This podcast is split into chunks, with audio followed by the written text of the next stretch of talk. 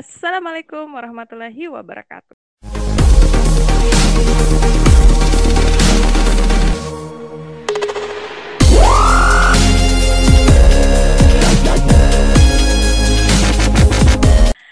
Selamat pagi, selamat siang, selamat sore, selamat malam. Um, untuk semua yang mendengarkan podcast ini.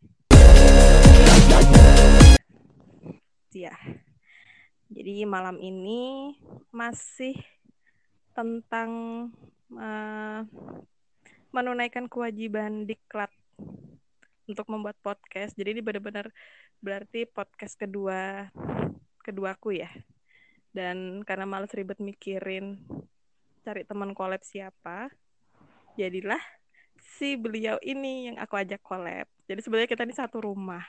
Cuma yang satu di kamar, yang satu di ruang tamu. Hai hai. Halo, selamat malam. Maaf ya digangguin istirahatnya. Demi menunaikan tugas dan kewajiban diklatku. Oke, jadi uh, mungkin nanti kita nggak lama, cuma sekitar 10 sampai 15 menitan aja untuk ngebahas apa ya? Bahas tentang sejarah aja kali ya, biar nggak ini, biar nggak terlalu berat gitu bahasannya. Siap, Bahas ini siap, materi sejarah anak-anak. Tapi begini Bu, hmm. saya kurang begitu ini tentang sejarah, tapi nggak masalah sih. Kita coba aja dulu lah.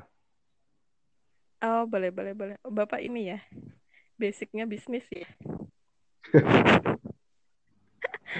ya, nggak apa-apa lah. Intinya malam ini tolongin saya ya, Pak ya, demi diklat, uh, demi tugas diklatku yang belum selesai ini.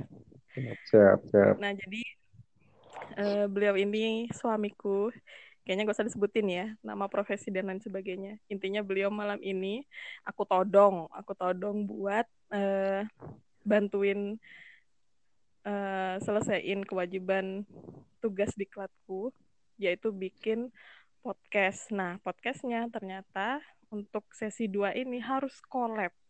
Dan aku paling males ribet mikirin untuk cari teman collab siapa siapa siapa. Akhirnya aku todong lah beliau ini. Yang lagi sibuk-sibuk oh. entah dia sibuk apa itu. Oke jadi hmm, bahas apa ya? Oh bahas ini aja e, tentang metode penulisan sejarah nah jadi kan kalau kita ngomongin sejarah itu biasanya ya udah gitu ya e, kayak kayak nyeritain dari satu mulut ke mulut gitu kan ya ngedibah gitu bu ya ya gibah versi turun temurun biasanya. Nah, oh ternyata, gibah gibah secara secara ini ya, secara apa uh, di dunia pendidikan gitu. Maksudnya gibah gibahin iya, selalu iya. gitu kan ya. Iya, dan itu tuh kadang kayak jadi satu sudut pandang kan tiap orang cerita tuh tergantung sudut pandangnya ya. Nah, kalau ya, misalnya betul. diceritain turun temurun dari satu siswa, nanti siswanya jadi guru punya murid diceritain lagi itu tuh jadi kayak gibah turun menurun gitu. Nah, padahal untuk uh, penulisan sejarah, penulisan sejarah itu nggak kayak gitu. Jadi memang dia tuh ada metode ilmiahnya.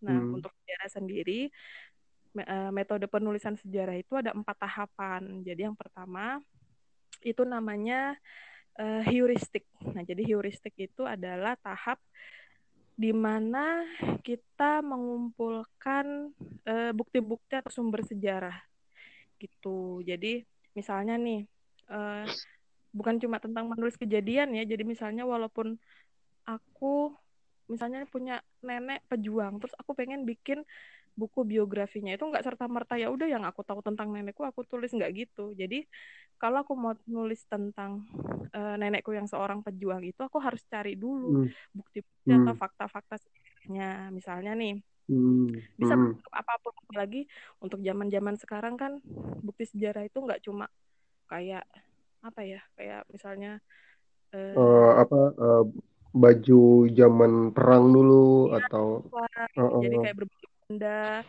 uh, lisan, tulisan. Misalnya kalau dari lisan langsung dari hmm. nenekku seperti itu sebagai hmm. pelakunya langsung. Atau dari tulisan misalnya beliau pada saat perang pernah bikin surat atau laporan atau diary dan seterusnya gitu. Jadi uh, kalau untuk zaman sekarang tuh justru lebih luas lagi bahasannya. Ada yang berupa rekaman, ada yang berupa video. Apalagi sekarang kan eh, ini Udah nih udah zamannya udah beda gitu ya. iya zamannya udah maju misalnya Udah nih ada generasi milenial nih ya.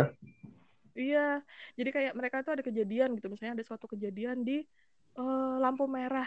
Nah kita kan sekarang udah namanya sosial media dan rata-rata sosial Ya, media itu kan kayak dilengkapi fasilitas streaming gitu kan ya. Nah Eh, apalagi streaming kayak gini kan kayak apa eh, di Lantas pun udah nge- ini ya kayak di lampu merah tuh pakai apa ya ada namanya eh, gitu ya. Eh, eh, CCTV apa ya?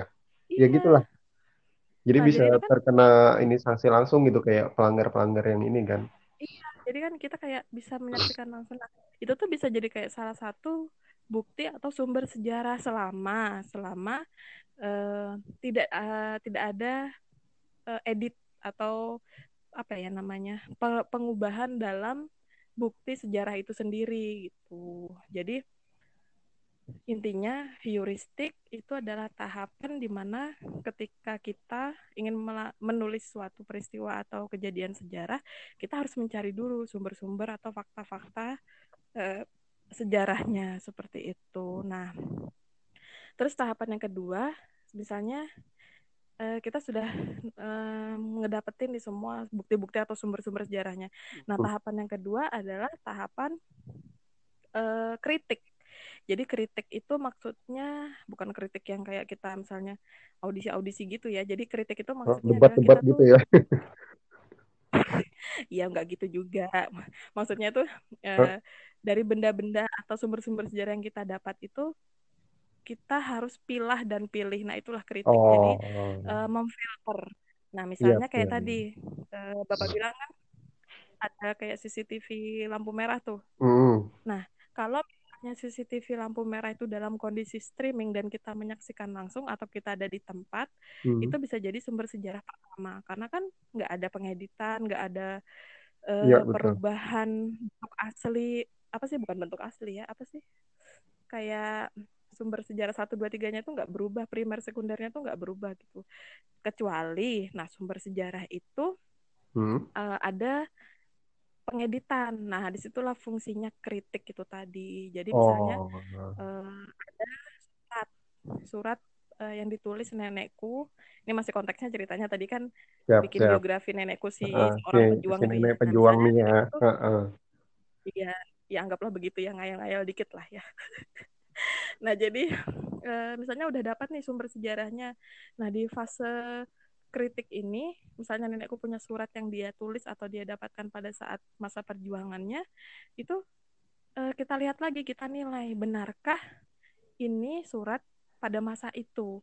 Kemudian eh, isinya seperti apa? Apakah isinya sudah ada perubahan, sudah ada yang melakukan perubahan atau memang dari aslinya memang seperti itu isi tulisannya seperti itu. Nah, Hmm. kemudian terutama kalau bukti-bukti sejarah kan sekarang banyaknya nggak disimpan pribadi ya, adanya Hmm. kayak di misalnya Instagram museum, di antri, di, ya Allah Instagram, ya pokoknya begitulah. Nah, eh, itu pun bisa mempengaruhi. Misalnya kita dapat sumber sejarahnya dari mana? Dari instansi pemerintahan yang mm, formal atau yang informal gitu. Kalau misalnya dapatnya dari museum ya jelas itu formal karena kan langsung di bawah lembaga yang memang dinas expert ya bidangnya. Tapi kalau Heeh, jadi misalnya kalau aku dapatnya itu dari mana? Ini eh, surat ini aku dapat dari si Acil Anu, Acilnya Anu, si Acil itu keluarganya Anu. Nah, iya, em, itu tuh harus harus dilakukan kritik lagi. Nah, berbicara dengan eh, berbicara tentang kritik, kritik itu sendiri ada dua. Ada kritik internal, ada kritik eksternal. Bedanya kalau internal itu lebih ke muatannya. Misalnya, kalau tentang surat itu tadi Hmm. berarti mengkritik tentang eh, apa ya isi dari tulisannya. Misalnya, oh masih berbahasa ejaan tempoe doloe, oh seperti iya iya iya Oh, betul betul itu kan betul berarti kan itu eh, suratnya dibikin eh, sebelum tahun di mana ada ejaan yang disempurnakan atau EYD ada seperti itu. Atau mungkin tulisannya masih bahasa Sanskerta. Nah, loh. Nah, tapi kalau misalkan di zaman penjajahan sih eh, masih dalam konteks nenekku pejuang ya jadi kalau misalkan di zaman Mm-mm. penjajahan sih kayaknya udah mulai ini ya bahasanya ya udah mulai eh, yang menggunakan apa uh, ada tambahan O dan E di belakang kata-kata gitu. Tapi kalau untuk bahasa Iya, masih. Pangsakarta zaman dulu kayaknya masih nggak ini sih. Iya, kalau misalnya kayak prasasti kayak gitu-gitu kan Uh, uh, uh, mungkin bisa jadi. Nah, itu tuh lebih ke kayak muatan itulah yang namanya kritik internal. Jadi lebih ke maknanya. Nah, kalau kritik eksternal itu lebih uh, menilai dari sisi fisiknya. Misalnya itu tadi Mhm. uh, dari, segi, dari segi fisik apakah surat itu tadi kita dapatkan dari uh, secara formal atau informal. Nah, itu uh, bisa masuk dalam kategori kritik eksternal atau mungkin uh, bentuk tulisannya dan lain sebagainya. Jadi lebih ke yang bisa atau kasat mata yang bisa dilihat. Hmm, penggunaan kertasnya mungkin Bu enggak ya? Nah, itu juga eksternal. Karena kan misalnya kalau uh, misalnya nenekku bilang ini ini surat yang aku dapatkan dari Presiden Soekarno pada saat aku berperang. Eh ternyata kertasnya kita lihat kertasnya kertas HVS merek Sidu Nah, mungkin. loh. Nah, nah ya kan berarti nah ini berarti ada pemalsuan eh bukan pemalsuan sih maksudnya ada ya duplikasi lah. Iya harus ada yang di uh, dinilai lebih lagi atau di di filter lah seperti itu untuk dijadikan bukti penulisan sejarah. Nah, kemudian setelah heuristik, kritik ada yang namanya interpretasi. Nah, interpretasi ini adalah tindak lanjut dari uh, proses kritik itu tadi. Misalnya uh, apa ya? Uh, dalam tulisan itu dalam tulisan itu dituliskan kan nenekku bilang itu bukti pada saat dia surat perjuang pada saat dia berjuang gitu kan ya. Ya. Tapi di dalamnya ada kalimat misalnya eh, dari dari Presiden Soekarno memerintahkan untuk menyerang Departemen Store Matahari. Nah, ya, betul. ini kan berarti harus dipikirkan interpretasi itu berarti penafsir. Berarti eh, surat ini ada yang salah. Masa pada masa perjuangan sudah ada departemen store kan nggak mungkin? Nah kayak gitu. Terus atau mungkin uh, yang paling gampang misalnya tentang uh, isi isi suratnya. Misalnya Presiden Soekarno memerintahkan uh, nenekku untuk apa ya untuk berbicara kepada petinggi dari VOC, eh VOC, dari petinggi dari Belanda atau Hindia Belanda. Nah, berarti interpretasinya adalah pada masa itu nenekku memiliki hubungan yang baik dengan Belanda sehingga presiden uh, meminta untuk menunjuk nenekku ya untuk menjadi kayak mediator. Nah, itu tuh yang namanya interpretasi. Jadi, apa yang bisa kita tafsirkan dari baik itu fisik ataupun non fisik dari suatu bukti uh, sumber sejarah seperti itu. Aku kecepatan nggak sih menjelaskannya? Ngerti aja nggak? Santai, paham-paham. Oke, nah kemudian yang terakhir adalah tahapan akhir yaitu penulisan sejarah. Jadi ketika kita sudah dapat uh, bukti sejarahnya, kemudian kita pilih dan pilah, kemudian kita interpretasikan, barulah kita tulis. Oh, ternyata dari tahap-tahap tadi, uh, aku bisa menuliskan bahwa nenekku memang seorang pejuang. Kenapa aku bisa ngomong kayak gitu? Ada buktinya. Yang pertama, ada surat-suratnya dari presiden. Kemudian aku uh, melalui tahap kritik ternyata divalidasi itu memang surat asli. Kemudian inter secara interpretasi juga pada masa itu surat itu kenapa diberikan kepada nenekku? Oh ternyata si nenekku ini memiliki hubungan baik yang memiliki hubungan yang baik dengan Belanda sehingga dipilih untuk melakukan mediasi. Barulah aku tulis, oh nenekku memang pejuang yang ditunjuk oleh Soekarno untuk memediasi kepentingan negara seperti itu. Oke. Sudah deh. Jadi sebenarnya cuma empat tahap aja sih, simpel kan?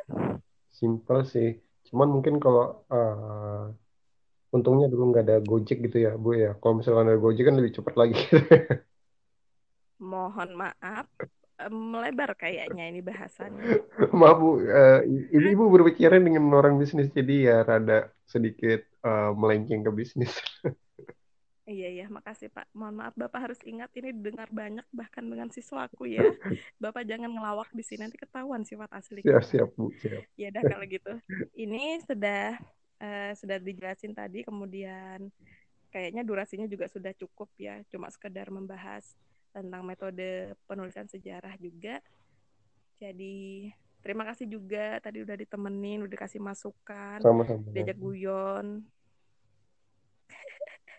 pasti bete banget ya lagi sibuk-sibuk suruh bantuin nyelesain tugas aman bu aman, aman. intinya aku